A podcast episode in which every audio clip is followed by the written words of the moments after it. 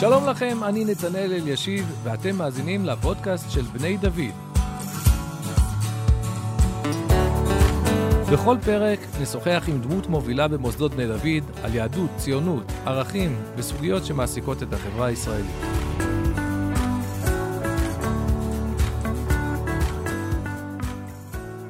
המוטו של אה, בית המדרש אה, של בני דוד, בייחוד האגף של הבוגרים, זה להעמיד אנשי אמונה בעולם המעשה, אנשים שהם ספגו את הרוח המיוחדת של אה, בית המדרש בכלל, בית המדרש של בני דוד בפרט, ואנשים שייכנסו לתוך עולם המעשה, ככה ירימו את מכסה המנוע של מדינת ישראל ויבואו עם הרוח האידיאליסטית, הרעננה, כדי לנסות לתרום כמה שיותר בעשייה הציבורית, וכשחושבים על המונח הזה של אנשי אמונה בעולם המעשה, אז אחד השמות הבולטים והראשונים שעולים על הדעת אה, שלנו כאן זה שילה אדלר.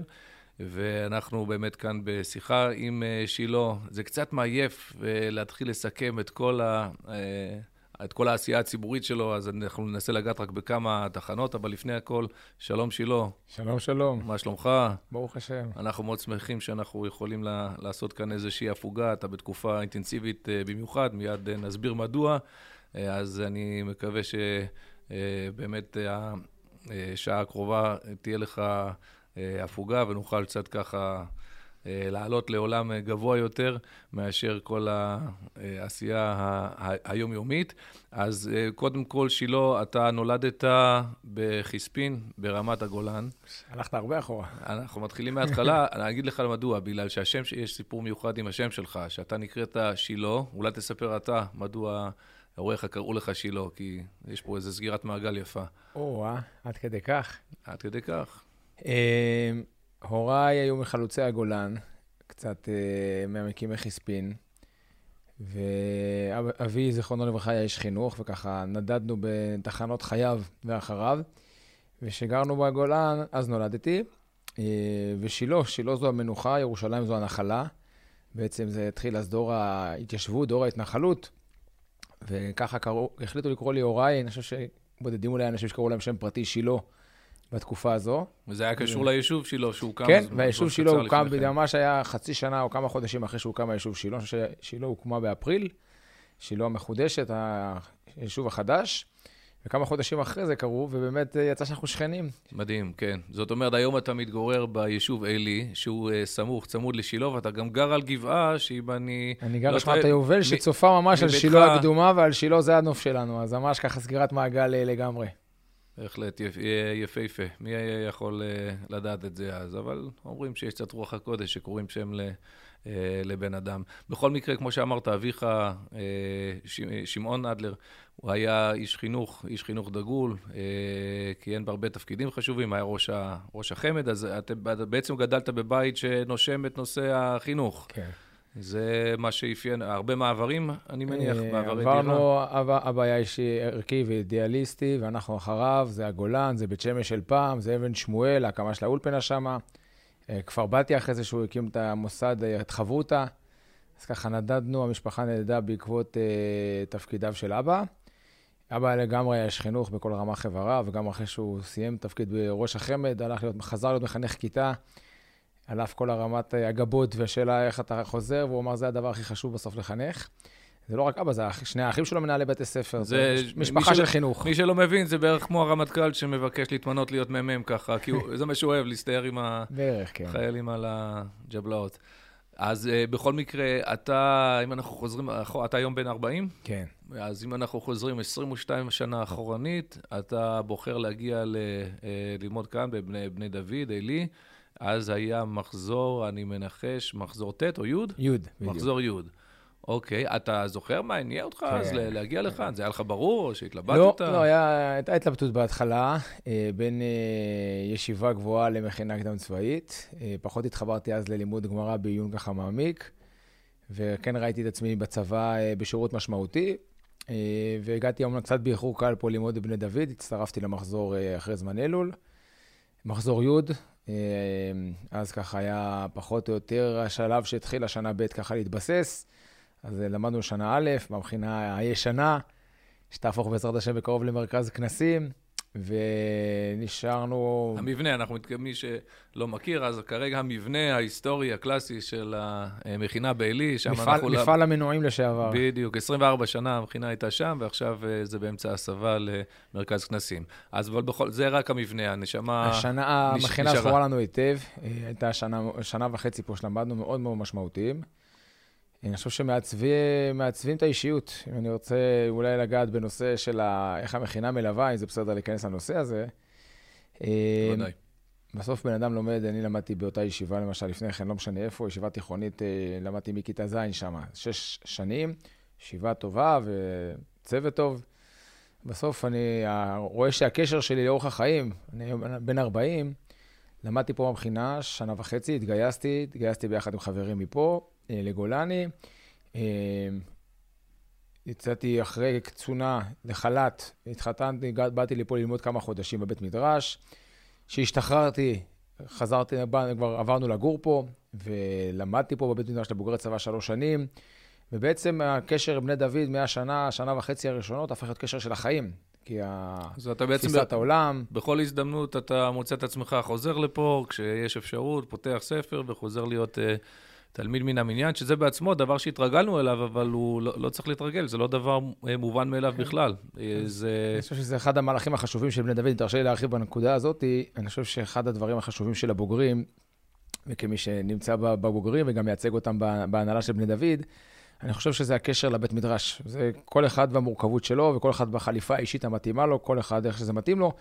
אבל אני יכול להגיד על מאות בוגרים למשל שבחרו אה, לחזור, אה, מאות, ואולי כבר מגיע כבר לאלפים.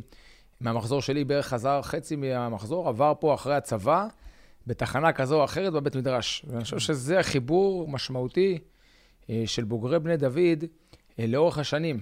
כן. והחיבור הזה הוא לא פחות חשוב מהחיבור במכינה. המכינה היא סוג של וקטור ראשוני, אבל הוקטור אחרי זה, הוקטור שהוא וקטור לשלוש, ארבע, חמש שנים, הוקטור אחרי זה הוא וקטור להרבה יותר שנים. בואו ניקח ספינה שיוצאת מהנמל, בכל זווית ביציאה שלה מאוד משמעותית. היא יכולה, ספינה מארצות הברית, מהחוף המזרחי שלה, היא יוצאת קצת זווית אה, דרומית, היא לוקחת לאפריקה, קצת צפ- צפונית לוקחת לאירופה.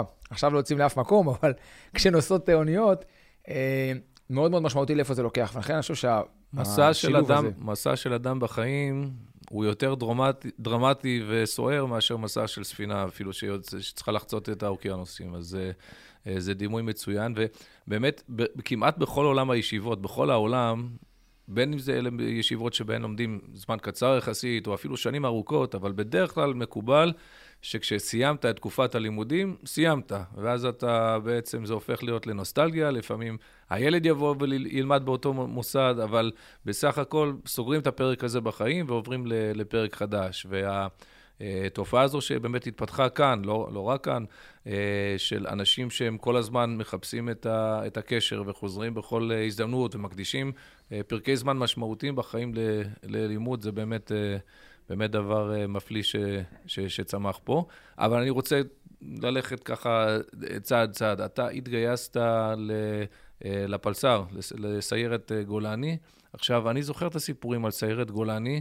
אה, כל הסיפור של חוקים, חוקי מטכ"ל, הגנה על החייל, אה, יחס ידידותי אה, לטירון וכולי, איכשהו כל ההוראות האלה בדרך לסיירת גולני, הם בדרך כלל נעלמו באותה תקופה. ו... לא, לא הגיעו לשטח 100. לא, ו- נכון? בדיוק, אנחנו ובמיוחד... מדברים על האלף הקודם, אה, באומנם. אני זוכר שהתהלכתי פעם כחייל בשטח אה, 100, ואני הרגשתי, אני לא רוצה להגיד שאנשים ירקו פה את דמם, אבל אה, ידעתי שזה אזור עם הרבה מאוד אה, אה, הקרבה, הרבה מאוד אה, קשיים. זה היה אולי המסלול באמת מהקשים ביותר אה, פיזית ונפשית בצה"ל באותה תקופה. אתה לוקח אותי באמת הרבה אחורה, אבל uh, באמת אז ב... הרצון להתגייס לסיירת גולני בכלל היה גבוה מאוד, ובמכינה פה היינו קבוצה שככה מאוד רצתה להגיע. אגב, אותי לא אין שום דבר אחר, זה, היה, זה מה שרציתי להיות, סיירת גולני. Uh, זוכר את הגיוס לגולני במרץ 99, 1999, והתגייסנו פה כחבורה, והיה גיבוש. התקבלנו אה, שניים מהמחזור. אה, באמת היה מסלול מאוד מאוד אה, מעניין, מאוד מאוד מאתגר. כמה התחלתם אותו? כמה חיילים? סך, התחלנו 20 ומשהו, 23, 24, סיימנו 16. אבל אני חושב שהאתגר הגדול של שטח 100, של, של אז, באמת היה שטח ענק, שהיה בו, בו צוות אחד, מחלקה, עם מ"מ, מפקד, מפק"ץ. עושים כל מה שרוצים, אין מגבלה לא של שטחי אש ולא של תחמושת ולא של שום דבר. אגב, אני רוצה קצת לדלג קדימה, אני זוכר את עצמי כמפקד צוות בסיירת, גם בשטח 100. צריך להודות להשם שאני, שאף, שברוך השם כל החיילים סביבו בשלום. אני זוכר כן. את השבועות, שבוע הרעב, ושבוע הסדאות, השבועות הקשים של שטח 100. ואז התחילה ככה, לפני חומת מגן, שטחי A ו-B, שהיה בזמנו מי שזוכר. אז כל היחידה הייתה שאובה ליהודה ושומרון, אני הייתי ממש לבד, לבד, לבד. קצין צעיר מגיע עם הרבה מוטיבציה מקורס קצינים. אה, וזהו, זה בעיקר מוטיבציה, קצת חסר את החוקים ואת המגבלות, וברוך השם, נגמר בשלום. כן, זהו, למקרה שחוקי ההתיישנות לא חלים על חלק ממה כן, שקרה בשטח 100, אולי, אולי נעצור פה את השלב הזה של שטח 100, אבל אה, אני זוכר כשאני השתחררתי מהשירות הסדיר, אה, שירות... אה, אה, שירות מלא, תחושה של אה, סיפוק, ואז משבצים אותך למילואים, ואתה חושב שמילואים זה, זה מין אה, גבעת חלפון כזאת, משהו שמדי פעם עושים, ככה צוחקים עם החבר'ה, מכינים קפה. אני זוכר את השוק של המעבר, שבסופו של דבר מילואים לא כל כך שונה מהסדיר, לא במשימות, לא ברצינות, לא במשמעת, לא במשימה העיקרית, שזה באמת להיות אה, חוד החנית. בצה"ל, צבא המילואים הוא, אה, זה חלק ארי מה... אה, מהפעילות, מהמאמץ המלחמתי. ואז פתאום אתה מבין שאתה נכנס לתקופה אה, שהיא כמעט ארוכה כמו השירות הסדיר, לפעמים יותר, אם אתה מחשב את זה במצטבר, וזה בתקופה הרבה יותר מסובכת כל פעם הרבה, בחיים. הרבה יותר ארוכה. ואתה בעצם אה, אה, נכנס לתוך העשייה בתחום של... בתחום של המילואים, בעיקר חטיבת אלכסנדרוני, נכון? כן. רוב, רוב השנים, שם פיקדת על גדוד. ואז אולי תספר לנו קצת על, ה... על כמה נקודות בדרך הזאת. אז מה... בוא אני רוצה רגע לקחת רגע מקרו, להסתכל שנייה, כי בסוף אני פחות מדבר לדבר על עצמי, אלא מה לחברינו, לחברים שלנו הבוגרים. אה, אני אומר את זה גם בשיחות הרבה במכינות. אני לא, די הרבה מגיע למכינות את הרצאות על ההתיישבות. אני תמיד לוקח את זה גם לתחום של הצבא. צריך להסתכל ראיית מקרו. ראיית מקרו, אנחנו בשירות הסדיר שלוש, ארבע שנים, חמש שנים, למי שככה נשאר עוד לתפקיד מ"פ.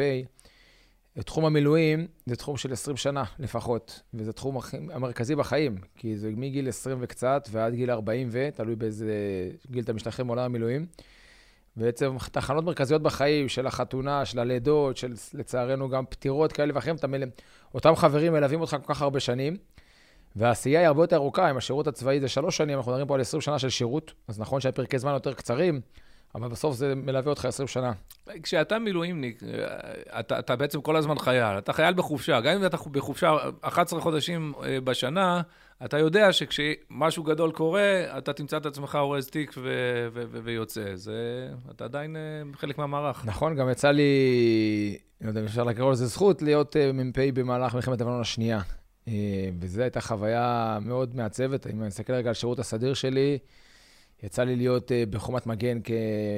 כמפקד צוות בסיירת, ויצא לי להיות כמ"פ בת... בעזה, אבל uh, בתקופות לחימה מוגבלות. להיות במלחמה, אה, זה בוודאי צרוב אצלי בצורה מאוד משמעותית. כמ"פ צעיר, הייתי 26, לצאת עם 100 חיילים, לעבור את הגבול, חטיבת אלכסנדרוני, מי שזוכר, 2006 חצינו מאזור זרעית והגענו עד אזור רס ביאדה, זה פתחת צור. זו הייתה תקופה מאוד, מש... הליכה משמעותית, אתגר מאוד משמעותי, פיקודי, בין אישי, לא היה פלאפונים, לא היה אוכל, לא היה כל מיני דברים, והיה צריך להוביל לחיילים ולהגיע למשימה עם כל המערכת המורכבת. אבל זו גם חוויה מאוד uh, מעצבת, ומעצבת uh, בונה את, ה... את האתוס, גם של הפלוגה שלנו, גם של הגדוד, גם של החטיבה. אגב, זה החברים שחברים לחיים, נשארו, אני בקשר עם הלוחמים מאז. אני זוכר ספר יפהפה שאתם הוצאתם, נכון. אני חושב שזה בהוצאה פנימית, אבל יש לי את ה... הייתה לי את הפריבילגיה כן, אז אה, לקרוא בו. כאחד מהדברים, כי לנו כפלוגה הייתה חוויה מאוד, מאוד אה, אה, עצימה ומאוד משמעותית אחרי הלחימה הזו. ויצאנו, חזרנו למה שנקרא, חזרה את הגבול, וראינו את הכאוס שהיה פה בישראל. במדינה, אז דווקא לקחתי את החוויה הזאת, במקום להיכנס למסכנות הזאת ולכל מה שעבר פה בחברה הישראלית, לקחנו את הפלוגה ומאוד העצמנו את האירוע הזה, וכתבנו ספר. לדור הצעיר יותר, אתה יודע, עברו כמה שנים שלו, לדור כן. הצעיר יותר נזכיר, נזכיר, פשוט המלחמה נתפסה בציבור הרחב, בצדק או לא בצדק, לא ניכנס כרגע, כלא הצלחה גדולה, והייתה המון ביקורת על הממשלה ועל אה, הפיקוד ה... אה, הבכיר בצה"ל, אז הייתה, הייתה אווירת אה, נכאים מסוימת אחרי, אחרי המלחמה. אז אתה מתאר את האווירה הזאת. אז אני החלטתי לקחת את הפלוגה קדימה, וממש לקחנו את זה כחוויה מעצימה, כתבנו ספר, היינו, עשינו מפגש משפחות, לקחנו את זה אה, מאוד, הקמנו קבוצה של ריצה, ליווינו חייל פצוע, יש לנו חייל פצוע בשם איתן חרמון שאיבד את רגלו, והיום הוא, היינו, ליווינו את כל תהליך השיקום שלו, התחתן, והיום הוא אלוף העולם. למרתון קטועי רגליים. אמרתי להגיד, אני זוכר כן. את השם שלו מהמרתון נכון, של ה... נכון, אז זה, זה דוגמה שלקחנו את המקום הזה למקום חיובי. אם נחזור רגע לעולם המילואים שפתחת בו, אה, זה מאוד משמעותי. כשמתלבטים איתי אנשים, למשל, אני יוצאת לקורס קצינים, אני אומר, אל תחשבו רק בחשיבה של סדיר, מה תפקיד מ"מ, אני צריך להישאר עוד שנה, שנה ומשהו בקבע, אלא צריך להסתכל 20 שנה קדימה. תפקיד פיקודי בעולם המילואים הוא מאוד מאוד משמעותי, הוא דורש הרבה. אה, הבית מגויס לזה 20 שנה סביב המילואים. מצד שני, זה נותן המון. התחושה שאתה יוצא למילואים בתפקידי הפיקוד השונים, וגם מי שבצבא, מכל סיבה שהיא לא נעצר לפני תפקיד מ"פ או תפקיד מג"ד, מרצונו או שלא מרצונו, האפשרות במילואים להתפתח, להשקיע, אה, לקחת יחידה ולרוץ איתה קדימה, הוא מאוד משמעותי. זכיתי גם להיות מ"פ במלחמה, וגם להמשיך אחרי זה להיות אה, תפקידי פיקוד בחטיבה, ולסיים כתפקיד מג"ד. ארבע שנים כמג"ד בחטיבת אלכסנדרוני, זה אה, זו הזדמנות שאין אותה בהרבה אה, מישורים, לפקד על 700 חיילים ולקחת את החוויה הזאת. אני חושב שזה גם, אם נחבר את זה רגע לבני דוד, אני חושב שזה אחד המקומות שבהם אנחנו רואים תרומה משמעותית של המכינה, זה לא רק בתפקידי פיקוד בצבא הקבע, אלא בצבא המילואים. אה, בתפקידי הפיקוד השונים, אה, מ"מים, מ"פים, מג"דים, יש אה, עשרות אם לא יותר מזה, של בוגרים שלנו שנמצאים בתפקידי הפיקוד. היינו רואים את זה למשל בשבתות שעושים, שבתות מג"דים, פעם ב- שקורה בצבא, אתה רואה עשרות בוגרים שלנו נמצאים שם, זו, זו, זו חבורה מדהימה, אנשים ש... זה בעצם מעין קהילייה, מין רשת שנוצרת בין אנשים, שאתם לכל אורך השנים הולכים יחד, נפגשים באותם צמתים, ויש איזושהי רוח משותפת. ו... לגמרי. אפילו במחזור שלי, מחזור י', אני חושב שאנחנו ב... יצאנו ככה באיזה שבת מפקדים של מג"דים, היינו, אני חושב שאולי ארבעה או חמישה מג"דים מהמחזור, בעולם המילואים. אה, וזה מדהים, זה גם מלווה, זה גם פה נפגשים בתחנות, גם יש לימוד עמיתים, כי אתה מג"ד מילואים, אתה לא דומה למג"ד סדיר, אתה רוצה ללמוד מאחרים איך עושים, איך מצליחים לשלב בין העבוד, המשפחה, העבודה, אה, והתפקיד הכל כך אינטנסיבי הזה, אבל זה נכון להרבה תפקידי פיקוד, ואני חושב שזה מחבר את זה מאוד לרוח של בני דוד. אה, אמרתי את זה לא מעט פעמים לרב אלי, לרב יגאל. שאנחנו ככה אה, אה, מסתכלים עליהם בפוקוס מאוד גדול עולם הסדיר, אבל עולם המילואים, אה, תרומתה של בני דוד והמחויבות שלה לדבר הזה, אפילו מהבית מדרש, אני זוכר את עצמי פה כמ"פ צעיר במילואים בבית מדרש, משכתי מפה חיילים וקצינים שהכרתי פה בספסלי הלימודים, ועד היום הם איתי ביחד בעולם המילואים בתפקידים השונים. רמה, ברמה שעבורי אפילו אה, קצת אה, אישית יותר, אני זוכר, אני לא יודע אם אתה, אם אתה זוכר שאני זוכר, אבל אני זוכר שבמלחמה בלבנון השנייה, אז uh, שם נהרג בוגר שלנו, חבר קרוב, רועי קליין, ואני זוכר אותך, ממש פוגש אותו, אני חושב, בשבת לפני. כן. האירוע הקשה בבינג'בל. זה סיפור, סיפור מרגש. רועי, אני מכיר, הכרתי גם, גר, גרנו ברחוב ליד רחוב פה למטה, עוד לפני שעלינו לשכונת היובל למעלה. אה, ויום שישי, ערב שבת, אנחנו מוקפצים, גם, גם סיפור סביב בוגר, בהלוויה של בנג'י אילמן. בנג'י בן מחזור, חבר לחדר במחזור י', אה, היה מ"פ באגוז ונהרג מפגיעה של טיל, ואנחנו, אני בהלוויה, ב...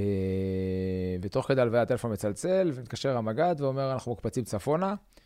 אני נפרד מהמשפחה, עולה לאליקים. אנחנו ככה מתרגשים, עולים שם לאימון קצר. זה הבסיס בצפון, שבו בדרך כלל מתארגנים לקראת כניסה ללבנון. בסיס האימון הפיקודי של צפון, שבו בעצם עושים את כל ההכנות גם לתעסוקות וגם כשיש מלחמה למלחמה, ואנחנו מגיעים לשם, מגיעים אה, מגויסים בעין זיתים, זה ליד אה, צפת, שם היחידה שלי נמצאת, ואני כבר נשלח לארגן את, את אליקים כדי להכין את זה לקבלה של הגדוד. ואני מגיע לאליקים ומגיע ממש בהדלקת נרות, בכניסת שבת. מגיע לאליקים ומגיע לגדוד 51, ומג"ד של 51 באותה תקופה זה יניב עשור, והסמג"ד, זיכרונו לברכה, זה רועי קליין. וקיבלנו אישור לקחת איזה סוגי תר... טילי גיל לתרגול, ואנחנו מגיעים ל... למגורים, ואני, אולי שמונה בערב, אני רואה את רועי אה, נח ככה על המיטה, המג"ד היה בקבוצת פקודות, רועי יושב ש... נח על המיטה, והמונח על פניו, אה, מתאפץ מה שנקרא בשפה הצבאית, מונח על פניו גמרא. דף יומי, גמרא פתוחה. מסכת יומא. אני, אני יודע... אני לא זוכר את המסכת, אבל זה, זה, זה התחום שלך, אתה יותר טוב בזה. אבל ממש גמרא על פניו, הוא ישן, האור דולק בחדר, שבת הוא לא מכבה אותו.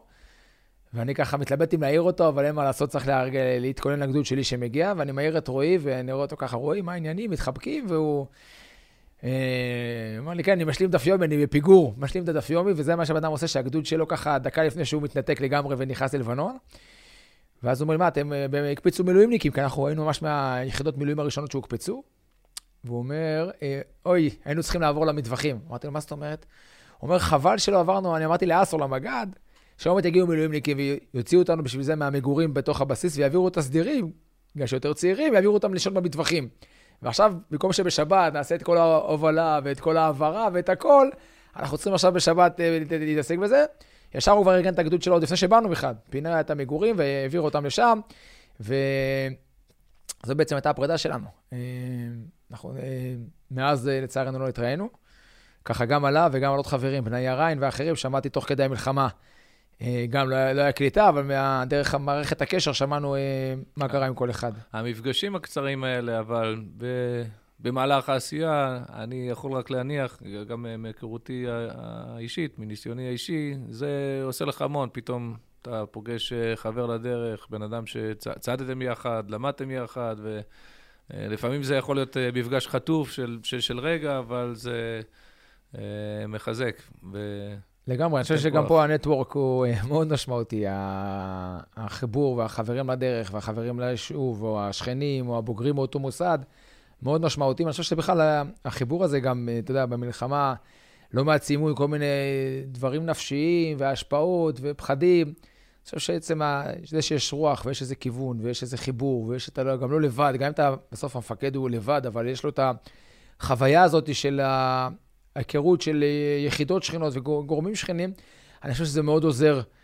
אה, לפחות לי זה מאוד עזר ככה, גם בהובלה של הפלוגה שלי, ממש הייתי פלוגה עצמאית בין שני גדודים בתוך הלחימה. וגם אמרתי, אני חושב שזה בכלל מחבר אותנו לאותו, לאותה אווירה שדיברתי עליה מקודם, של. איפה הבחינה מלווה, והרב, והבוגרי צבא, והתחנות האלה בחיים, שאני בעצם מרגיש שהן מלוות אותי גם עד היום, בתפקידים גם היום. משפט שיוצא ל... יוצא לי לא, לצטט לא, לא מעט בעבודה החינוכית כאן, זה מהמשפט הידוע של אה, פרידריך ניטשה, שכשיש לאדם איזה למה עבורו הוא יחיה, הוא יוכל לסבול כמעט כל איך. הרבה אנשים חושבים שזה משפט של ויקטור פרנקל, אבל פרנקל ביסס שיטה טיפולית שלמה על הרעיון הזה, הלוגותרפיה, אבל זה משפט של, אה, של ניטשה. אה, לפעמים כשאני מארח אנשים פה, מנסה לספר להם קצת על הסיפור של, של בית המדרש, אני אומר, פה אנשים לא מקבלים כלום, הם לא מקבלים אה, תעודת, אה, תעודה, נקודות זיכוי בלימודים, פטור משירות, מקיצור שירות צבאי, להפך, אם, אם כבר, אבל אני חושב שהם באים לפה בשביל לברר את, ה, את הלמה. כשיש לאדם את הלמה, עבורו הוא יחיה, הוא יוכל לסבול כמעט כל איך. ו... אה, זה נבחן בעיקר בשעות, אה, בשעות קשות, אה, כשדברים, כשאנחנו מאותגרים. ופה אני רוצה לקחת את זה למקום אחר לגמרי, שבו הייתה לי את ההזדמנות ככה לראות אותך מקרוב. מילאת, מילאת כל מיני תפקידים מעניינים בגרעין התורני בלוד, וניהלת לפני כן בעיר דוד, את, ה, את המיזם החשוב שם. אה, בשלב מסוים אתה נכנס פה לפוליטיקה המקומית, האזורית, אה, יש לנו כאן מועצה אזורית אה, בבנימין, ואתה התמודדת, זה היה לפני שנה, שנתיים, על ראשות המועצה האזורית. אמרנו הרבה בחירות מאז. כן, לזה, את זה אנחנו שומרים לסוף, את הבחירות הארציות, אבל אני אגיד לך מה ההבדל בין הבחירות הארציות, שבהן אתה יועץ ל, ל, לראש הממשלה, נתניהו, אתה בסופו של דבר לא במוקד, ה... עדיין לא, לא במוקד של, ה... של הבחירות האלה. ותמיד הדברים, העול הקשה, האתגר בחיים זה כשזה הכל אה, עליך. ובעצם התמודדת למועצה האזורית. מה הניע אותך לקחת את ה... אני חושב שאולי אחד הדברים המשמעותיים שעשיתי לפני המועצה האזורית זה בעצם מנכ"ל מועצת יש"ע, שזה בעצם תחנה מאוד משמעותית בחיים, גם קפיצה מבחינתי לזירה הציבורית באופן יותר משמעותי ממה שעשיתי לפני כן. אה, וגם היכרות משמעותית עם ההתיישבות. מעבר לזה שנולדתי בגולן וגדלת, ואני פה מלימודי המכינה, נמצא ביישוב עלי וגר פה, אה, ומגדל פה את, אה, את, המש... את הילדים, בעצם ההיכרות של העשייה ההתיישבותית, שנכנסתי אליה בצורה מאוד משמעותית, הייתי חבר מליאה בהתחלה במועצה האזורית מטה בנימין. חבר מליאה זה בדרך כלל תפקיד שאתה כן. חצי עושה טובה למישהו, נכון, ששמים לא, אותך ואתה מוצא את עצמך שם. בוודאי במועצה האזורית, אתה, ששם אין, אין, אין הרבה משמעות לחברות במליאה, אבל ככה הכרתי את העולם של מועצות. אני ו... יכול לנחש שתמיד יש איזה אחד עקשן, אופוזיציונר כזה, שעל כל דבר הוא, אה, הוא מעלה, ורוב האנשים ככה מנסים להתקדם. גם, גם לא תמיד יש את האופוזיציונר, והרוב הרוב בסוף, אה, כל יישוב יש לו את השיקולים שלו, ולכן המועצה, המועצה האזורית זה בהרבה דברים... מתקדמת קדימה, אבל אז הכרתי את העשייה של המועצה האזורית, הייתי חבר הנהלה ויושב ראש ועדת כספים וכל מיני תפקידים שעשיתי שם. המשמעותי זה בהתיישבות, כמנכ"ל מועצת יש"ע, הכרתי את העשייה ההתיישבותית ואת ההתפתחות שלה ואת החשיבות אה, לקחת שם תפקיד. ואז אה, כאשר ראש המועצה פה סיים לאחר עשר שנים, אבי רואה, ראש המועצה הקודם, אה, זה יצא ככה בתזמון די קצר, כי לא ראיתי את עצמי מתפתח לכיוון הזה, אבל באותה תקופה בדיוק האבא שלי נפטר, אבי נפטר, זיכרונו לברכה, וככה בסוף ה-30, ככה החלטתי שאני רוצה להיכנס למשהו משמעותי יותר, והתמודדתי פה על המועצה. זה, חייב להגיד שזה, על אף הסוף, שעוד נדבר עליו, זו הייתה אחת החוויות הכי משמעותיות בחיים. אה, כמו שאמרת מקודם, באמת, אתה שם את עצמך על המזבח, יש לזה הרבה משמעויות. חוויה, אגב, שלא הייתי מוותר עליה, גם בדיעבד אני אומר את זה. הילדים שלי עד היום, הם, יש להם את הג'ינגל, אה, אה, לפעמים הם, שר, הם שרים שילה אדלר, את הג'ינגל ש... הגיע הזמן בנימין. הגיע הזמן בנימין. אתה פתאום מוצא את עצמך, אנחנו משתדלים לחנך פה ל... אה, לעשייה שקטה, פתאום אתה בעצם רואה את הפנים שלך על כל לוחות המודעות, ו... אה, המגנטים הבתים, זה עדיין אנשים אה, שומרים את המגנט הזה. נכון, עשית מעשה אמיץ, אני נזכר, שבו חילקת אה, מגנטים. עד היום מתקשרים אליי עם. מספר הטלפון שלך, כדי להראות לאנשים שיש כתובת. זה קודם כל בטח מוזר, עוד לפני, לפני כל דבר אחר, סתם פתאום שהשם שלך עכשיו בפרונט ואתה רואה את עצמך בכל מקום, וגם קרב בחירות, אז יש מלחמת תעמולה, זה להיזרק לתוך uh, תחום חדש לגמרי. זה היה מאתגר. מאתגר בכל הסיבות. Uh, קודם כל שהשם שלך על המזבח, ואתה מכל הזוויות, uh, לטוב ולרע, uh, כל המערכת מתייחסת לזה. ושתיים, שאתה צריך לתת את עצמך. זה כמו שאמרת מקודם, בשונה מערכות הבחירות שאני בשנה האחרונה נמצא בהן, אתה, אתה מקריב את עצמך לגמרי ואתה נמצא שם נוכח, וצריך לעבור uh, עשרות יישובים ולעבור בעשרות מקומות ולתת uh, ערב-ערב. אה, מפגש עם אנשים, וצריך אה, אה, גם להוביל את החזון שלך, גם לרתום אליך אנשים, וגם להתמודד עם האתגרים. אגב, זה עוד, עוד, עוד, עוד אתגר מערכתי, מוסרי, המון דילמות בתחום הזה, המון אתגרים, המון שאלות, המון הצעות שאתה מקבל תוך כדי ואתה צריך להתמודד איתן. אני חושב שאת רובם... אתה מדבר על דילמות ערכיות. ערכיות, של... ערכיות שאתה צריך לקבל החלטות, כמה אנחנו מתלכלכים בעניין הזה. לגמרי. קודם כל זכינו שפה, ברוך השם, שני המועמדים היו ראויים וטובים, וזה לא מובן מאליו. ו... עדיין, זה, מוציא, זה אפילו לא, לא בשליטתכם. לא, בחירות, זה הפך להיות... בחירות זה אה, מוציא מאנשים הרבה פעמים, לא תמיד את הטוב. בוודאי בבנימין זה הפך הטוב. להיות uh, נקודה מאוד מאוד משמעותית, כי זה היה פה בעצם של uh, מחלוקת בין שתי אג'נדות uh, משמעותיות וגדולות. ואנחנו בעצם, אה, הפך להיות הרבה יותר מאשר ראשי מועצות אחרות שאני הכרתי מתקופתי כמנכ"ל מועצת אש, שאמרו לי, תשמע, בערב של התוצאות, היה לנו את התוצאה אצלנו במועצה, והסתכלנו גם על בנימין. זה הפך להיות שאלה הרבה יותר רחבה. אתה יכול אה, להסביר לי מה היו שתי תפיסות העולם, פחות או יותר, שהתעמתו? כי הרי, אתה יודע, הדברים האלה תמיד במבט מרחוק, זה נראה שני אנשים אותו דבר ועם מאותו סוג, ומה כבר ההבדל. אז אה, אתה יודע מה, אפילו לא נדבר על, ה, על הצד השני. בוא נדבר, מה, מה אתה ניסית להוביל? מה היה חשוב לך בחזון, בדרך? אני חושב שראש מועצה ביהודה ושומרון, ואני חושב ניגע בזה בקצרה, כי אני, קודם כל הבחירות מאחורינו, ואנחנו, אה, יש לנו דברים להספיק כדי ש...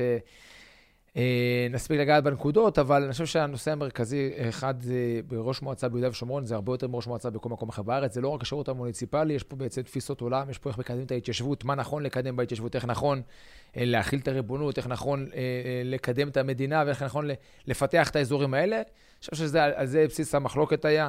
מעבר לנתונים האישיים וליכולות של כל אחד, לטוב ולרע, כל אחד מביא את הניסיון שמצטבר שלו ואת התכונות האופי שלו ואת היכולות שלו.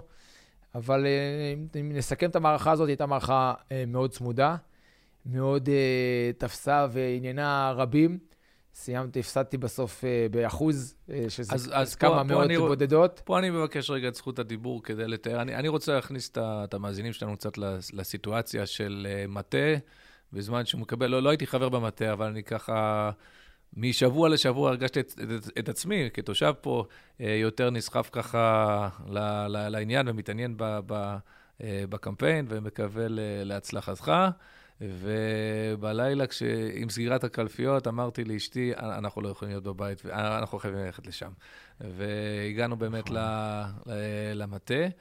אה, ואלה רגעים, אני מעריך שאין הבדל גדול בין ראש מועצה אזורית לבין נשיא ארצות הברית. זה לא משנה מה התפקיד, אתה נתת את כל כולך בקמפיין, המשפחה מגויסת, כולם מסביב, ובסופו של דבר אתה בידי האנשים, ואנשים זה כל סוגי האנשים, ואתה, יש לך מן הסתם תמיד מספיק הבטחות שמבטיחות את הניצחון שלך, והבעיה היא שאותם אנשים גם הבטיחו את התמיכה שלהם ל, אה, ליריב. אלה, אלה דברים שתמיד קורים, ויש תקוות ויש חששות, ו... נכנסים כמה אנשים עם לפטופים וטבלות אקסל, כל מיני פיקסרים, זה אנשים שהציבור הרחב לא מכיר, אבל הם אלה ששולטים, בדקות האלה, נכון? הם הכי חשובים. הם הכי חשובים, ומתחילים לקבל תוצאות אמת ולהשוות את זה לציפיות, ומתחילה להצטייר תמונת מצב.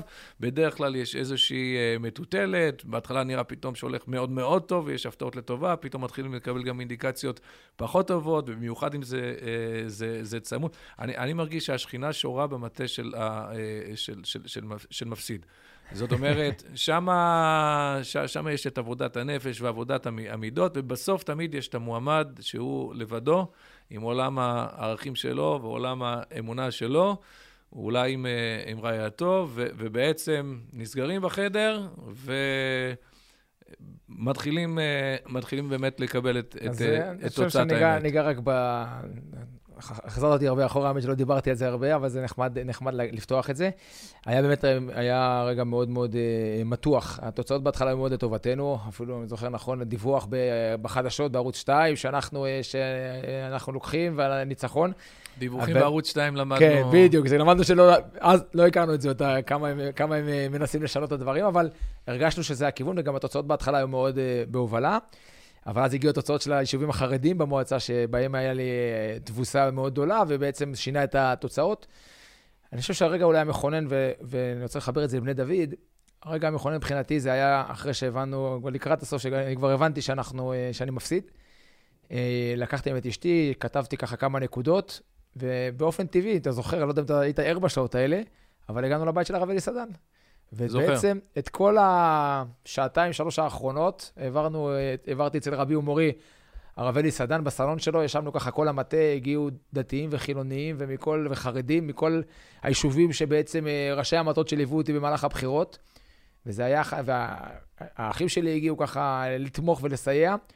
והיה שם שיחה של שעה שכל אחד פרק ככה ואמר, והרב אלי עם רוחו ועם אה, ליווי שלו, אני חושב שאולי אולי זה מראה יותר מכל כמה החיבור לבית מדרש, חיבור לרבנים, חיבור לאווירה הזאת, מלווה את הבן אדם בתחנות חייו.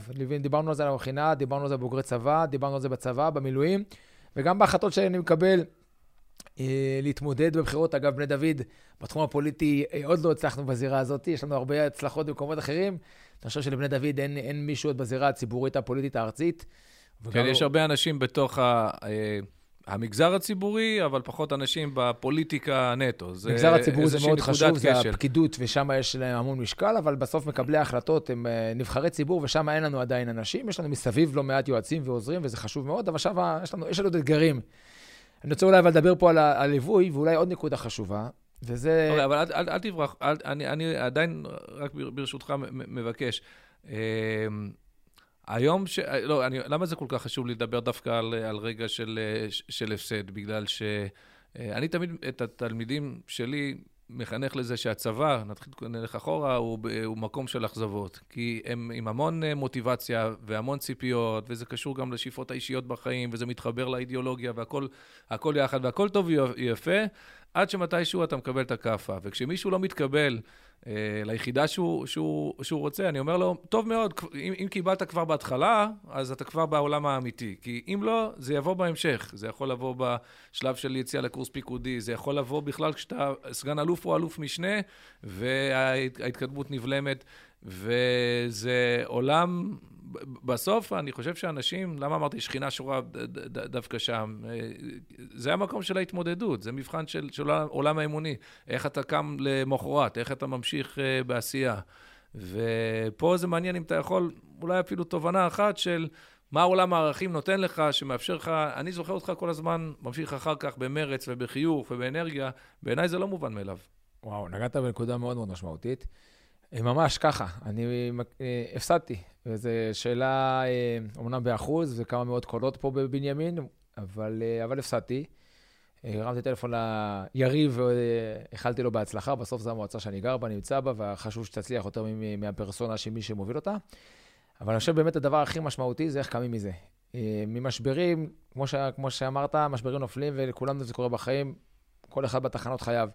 השאלה הגדולה איך יוצאים ממשבר ואיך קמים מזה, ואני חושב שזה אולי אחד הדברים הכי חשובים שהיה לי. ראיתי את זה גם מול מתמודדים אחרים, איך הם uh, התקשו ומה היה קושי. אני ממש זוכר את עצמי יום למחרת, לוקח לך יום מנוחה, וקם, קם ואומר, חבר'ה, טוב, אוקיי, מה הלאה? מה, מה, מה חשוב? מתכנן לעצמי את הדברים, ומצליח לשאוב את הכוחות ואת האנרגיות ואת החוט שדרה הזה שאומר, אוקיי, יש נפילות בחיים, אבל יש גם uh, מקומות אחרים שבהם אפשר להצליח, ובהם אפשר לתרום, ובהם אפשר לעשות. ודי מהר ממש יוצא מהמשבר הזה, לא נכנס אליו. גם אגב ברמה הכספית, יש פה גם השקעה כספית לא קטנה, אבל גם בעניין הכספי, גם בעניין הנפשי, גם בעניין אה, אה, החברתי, מהר מאוד יוצא מזה, אומר, אוקיי, ממשיכים קדימה, לאיפה לוקחים את זה? אז גם הגיע טלפון טוב מ- בזמן הנכון מראש הממשלה להירתם ולעזור לו בבחירות שלו, אה, אבל זה ממש ככה תפס אותי אה, בתכונות הנפש, שזה אולי הדבר הכי חשוב לבן אדם. אה, מצא, מצאתי את עצמי שואף את הכוחות האלה, מוצא אותם, מוצא אותם גם במקורות האישיים שלי, גם בתמיכה המשפחתית, גם בתמיכה החברתית וגם בתמיכה של הרבנים שלי. מי שליווה אותי מאוד אה, צמוד בדבר הזה זה הרב אלי סדן, הרב יגאל, הרב קשתיאל, זה הרב של, של השכונה שאני גר בה. אה, וזה ממש אה, ליווה ומלווה. עד היום ככה, בהרבה תחנות, גם בתחום הפוליטי, גם בתחומים אחרים, הרב אלי אה, אה, ואני והוא מוצאים הרבה נקודות שיח בנושא, אני מתקשר אליו, הוא מתקשר אליי, ואנחנו מוצאים את עצמנו בנקודות האלה, וגם הכוח, אותם כוחות שמצאתי יום למחרת אה, להתמודד בעצם עם האתגר הזה, הם אותם כוחות ש, שדיברתי, שמלווים כל בן אדם בתחנות שלו, גם בצבא, גם בצבא, אגב, יש נפילות ו, ולקום, אתה קם מכל דבר. וזו באמת נקודה מאוד חשובה. בכל מישור, בוודאי גם לנו, אה, מעולם התוכן הרוחני שאנחנו אה, מלווים את חיינו. נהדר. אנחנו לקראת סוף הזמן שלנו, למרות שאני מרגיש שהיינו יכולים אה, עוד ועוד, ובאמת אולי כנושא אחרון, אז נשמח קצת לשמוע תובנות על, ה, על העשייה בשנה האחרונה. אנחנו בתקופה של בחירות שאינה מסתיימת, הולכים מבחירות לבחירות לבחירות. הלוואי והייתי יכול להגיד במאה אחוז שאנחנו ב... אה, בסבב האחרון אה, של זה, ואתה, לא יודע אם צריך להיכנס לזה, מילאת בכל קמפיין תפקיד אחר, אבל בשלושת שלוש המערכות האלה, אז אתה בעצם אה, די צמוד לכוורת של, של ראש הממשלה, אם זה ב... ארגון כנסים בקמפיין האחרון, אם זה בעבודה מול ציבור דתי ומול מול, מול ההתיישבות, ועל פוליטיקה ממש אנחנו לא נדבר, ו... אה, אבל כן מעניין אותי על הציר שאנחנו, שאנחנו עוסקים בו, של החיבור בין עולם אה, רוחני, אה, שהוא בבית המדרש מאוד יפה ואצילי, שהוא פוגש מציאות, קרב על כל קול. מה, מה, מה, מה בעצם... מה בעצם רואים מה, ממעוף הציפור בקמפיינים כאלה? אז באמת, כמו שאמרת, בשנה האחרונה זכיתי לעבוד אה, במחיצתו של ראש הממשלה. זה התחיל באמת אחרי הבחירות, אחרי ההפסד שלי, טלפון ופגישת עבודה, ולהירתם לצוות שלו. אה, כל קמפיין, אגב, עשיתי תפקיד אחר, כל אחד יתרונותיו וחסרונותיו. אני חושב, קודם כל, הדבר המרכזי זה לראות אה, איך הממלכה, אנחנו מדברים פה על ממלכתיות, ומה זה ממלכה, איך ממלכה מתנהלת, אה, עם היתרונות והחסרונות של זה. ברמה האישית, אה, לראות את ראש הממשלה, איך הוא מצליח אה, גם לנהל את המדינה, להתמודד עם האתגרים הענקיים שיש לנו בביטחון, שיש לנו בכלכלה, עוד לפני הקורונה, אה, איך לנהל את המדינה בכל האתגרים שיש בה, וגם בנוסף לזה לנהל קמפיין, ובסוף הוא מנהל הקמפיין מול המערכת שנמצאת נגדו וסביבו, והמדינה ממש מתחלקת לאוהבי כן. נתניהו כן. ושונאי נתניהו. וזו הייתה חוויה בפני עצמה, לראות אותו בשעות הקטנות של הלילה. אה, אחרי שהוא מסיים במשרד בחמש-שש לנהל את המדינה, מגיע למטה או לבית שלו, ושם מתנהל המטה בירושלים, ומצליח גם לנהל ארבע-חמש פגישות במקביל, בשפות שונות, עם, עם נושאי תוכן שונים, ובאמצע לעצור ולהיכנס, נכנסים כמה קצינים, ומקבל החלטה להפציץ בסוריה או איפה שאני לא יודע איפה. אני ו... חושב שזאת נקודה, אגב, שהיא יכולה להיות מוסכמת בין על אוהדיו, בין על מתנגדיו. האנרגיות של האיש הזה בין ה-70, מה שיושב 71. לו... 71. מה שיושב לו על הכתפיים, אה, גם בתחום האישי, הוא באמצע תסבוכת משפטית גדולה, וגם בתחום המדיני, והבינלאומי, והבחירות, והלוואי.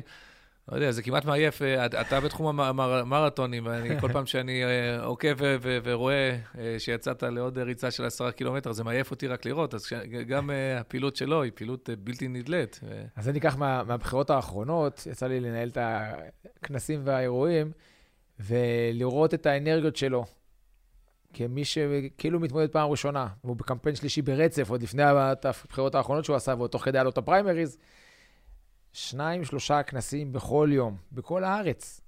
הגענו לכל עיר אה, ועיר של... אה, אתה ו... פיזית נמצא בכל הכנסים האלו? אני כמעט בכל הכנסים, לא זה צוותים שלי, אני אתעסק איתם, אקח איתך יום, יום, יום, אה, אחד המשמעותיים שעשינו זה חמישה כנסים ברצף בפריפריה, מה שנקרא. לקחנו ערים שבהם יש פוטנציאל מצביעי ליכוד גדול, אבל מימוש נמוך יחסית, וביום אחד כנס בצפת, בטבריה, נוף הגליל, מה שנקרא נצרת עילית, מגדל העמק ועפולה. חמישה כנסים ברצף, כל הכנסים מלאים, כל הכנסים מפוצצים, וכל כנס הוא נותן נאום של שעה. הוא נותן נאום, נותן מופע שלם שהוא שלו, עם כל האנרגיות הדרושות, ולחזור על עצמו מחדש כל פעם, ולפגוש עוד ועוד פעילים, אנשים שבאו, חיכו בתור שעתיים של בידוק, ובאו במיוחד בשבילו, והוא לא מוותר על זה, וערב ערב, במהלך כל הקמפיין הספקנו בחודש לעשות 50 אירועים, כנסים ואירועים, 40 כנסים ועוד עשרה אירועים. אז אתה בעצם פגשת כזה, עשרות, מאיפה... אלפי, עשרות אלפי אנשים בכנסים האלו? עשרות אלפי אנשים, ולא פחות עשרות אלפים בחוץ שלא נכנסו, שזה לא פחות אה, מאתגר לראות מה? אנשים שלא מצליחים להיכנס. תבוא פעם לאירוע כזה, תחווה את זה. תזמין. אה, מה... תבחר במפלגה הנכונה, אז אני... לא, אני לא מזוהה פוליטית, לפעמים אני צריך להתאפק, אבל אני מצליח. אבל אני כן אשאל, מה אתה לומד מהמפגש עם הציבור הרחב? אני לומד גם לעוד גופים שאתה ואני חברים בהם, לפחות חלקנו, אה, זה שהחיבור לשטח, אה, המדינה, אנחנו לפעמים חושבים שכל המדינה נמצאת לנו, בין אם זה בבני דוד, או בעולם המילואים, או לא משנה איפה, בעולם הניהול. אנחנו קצת בבועה. אנחנו בבועה לגמרי. אה, כמי שחצה את המדינה מנהריה ועד דימונה, לא הגענו לאילת בקמפיין הזה, אבל חצינו את המדינה לאורכה ולרוחבה בעשרות ערים. פגש את האוכלוסייה, אנשים חמים, אנשים אוהבים את המדינה, אנשים אוהבים את הממשלה, אנשים אוהבים את מה שקורה פה, אנשים שמחים באיפה שהמדינה הגיעה, אה, וגאים בראש הממשלה שלהם בין היתר, על אף האתגרים והמורכבויות שיש, ואני לא מזלזל בהם, אבל זה דבר שזכיתי לראות אותו בצורה מאוד מאוד חזקה, מאוד מאוד משמעותית אה, בדבר הזה, וביחד עם זאת, איך מצליחים גם לשמר את הקשר עם האוכלוסיות השונות, וביחד עם זה איך לנהל את המדינה. אני חושב שגם פה, כשדיברת על מכסי המנוע, ובזה אולי ניגע בנקודה לסיום, אה, זה אתגר גדול. אתגר שלא תמיד יש לנו פיצוח מלא בשבילו. אה, נחמד, מה שנקרא, תחת הניאון או הפלורוסנטים או בבית מדרש, לדבר על סוגיות ככה בצורה סטרילית. אבל כשאתה מגיע לשטח ואתה מתמודד אה, בקמפיין, בוודאי זה בא לידי ביטוי, גם ברמה האישית, שסיפרנו על ההתמודדות שלי, אבל גם כשאתה חלק מצוות, זה אתגר ענק. ואיך אתה מצליח לשלב, לשמור על הקו הרוחני, על הקו שאתה מאמין בו, על הקו של בית המדרש, על המקום שבו התחנכנו, ומצד שני מצליח לשלב את זה עם עולם העשייה ועם המורכבויות שיש. זה נכון, אגב, בכל אתגר, זה נכון בעולם הצבא, ונכון בעולם המינהל הציבורי, וזה נכון גם בעולם הפוליטי. שם היצרים והאמוציות הרבה יותר גדולות. אה, זה לא קל, לא תמיד אתה מרוויח מזה, אתה מפסיד מזה במישור המיידי, בוודאי אתה מפסיד מזה, אבל במישור הרחב יותר, אני חושב שאתה מקבל הערכה על הברכות, ואני כל פעם שהגיע לסוגיות כאלה, אני לא, לא, לא, לא הייתי שותף להם, התעסקתי בעשייה, בפעילות, בשטח. לשמחתי, לא נדרשתי להתעסק בדברים אחרים, ואני שמח שכך. ואני חושב שזה בעצם, התחום הציבורי הוא אחד מהדברים, אבני היסוד שלנו פה בבני דוד, לקחת חלק, לשאת את האלונקה, להיכנס אה, תחת הנטל הזה, ולא רק להיות בו אה, בורג קטן, אלא להגדיל לו ראש ולקחת אחריות ולהיות שותף לזה. אני חושב שזה אחד הדברים שזכינו לו פה, ואני מאוד מאמין בזה כבוגר וכשותף פה בדבר הזה.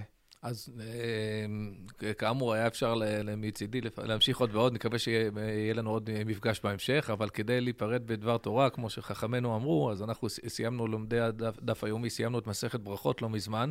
חשבתי על זה תוך כדי הדברים שלך האחרונים, שיש אה, שתי ברכות מיוחדות שחז"ל תיקנו על הסיטואציות שבהן אתה היית בחודשים האחרונים. ברכה אחת היא, ה, אה, יש ברכה כשרואים את, אה, כשפוגשים מלך, מלכות, חז"ל מאוד עסקו בנושא הזה של המלכות, מלכי אומות העולם, מלכי ישראל, שאם יזכה ידע להבחין בין אלו לבין, לבין אלו. אז אתה בעצם ראית, כמו שאתה מתאר, את המונח הזה של, ה, של המלכות. אה, איך דברים נראים אה, באמת בראייה אסטרטגית של ניהול, אה, ניהול מדינה. ויש ברכה נוספת, שזה ברכת ברוך חכם הרזים. כשרואים אוכלוסייה גדולה, כשפוגשים, לפי ההלכה זה 60 ריבו מישראל, זה אני מניח שיהיה קשה לארגן כנס כזה.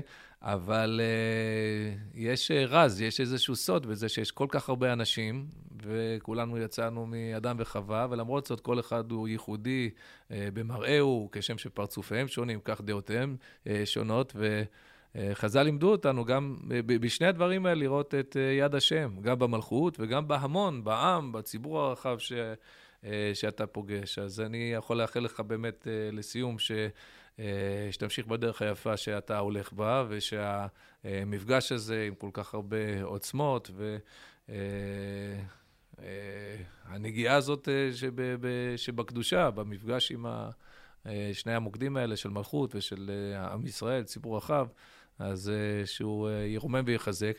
תודה רבה לך, ושיהיה בהצלחה בהמשך הדרך. יישר כוח, תמשיך בעשייה. שמח לשמוע את הפודקאסטים האלה, וממליץ לכל החברים, הבוגרים, ככה, לנצל את הנסיעות, ריצות. אה, בידוד, בידודים יש לנו. בידוד, מי שעכשיו צריך, יש לו ככה לחפש תוכן, אז תוכן מומלץ. תודה לצוות היקר.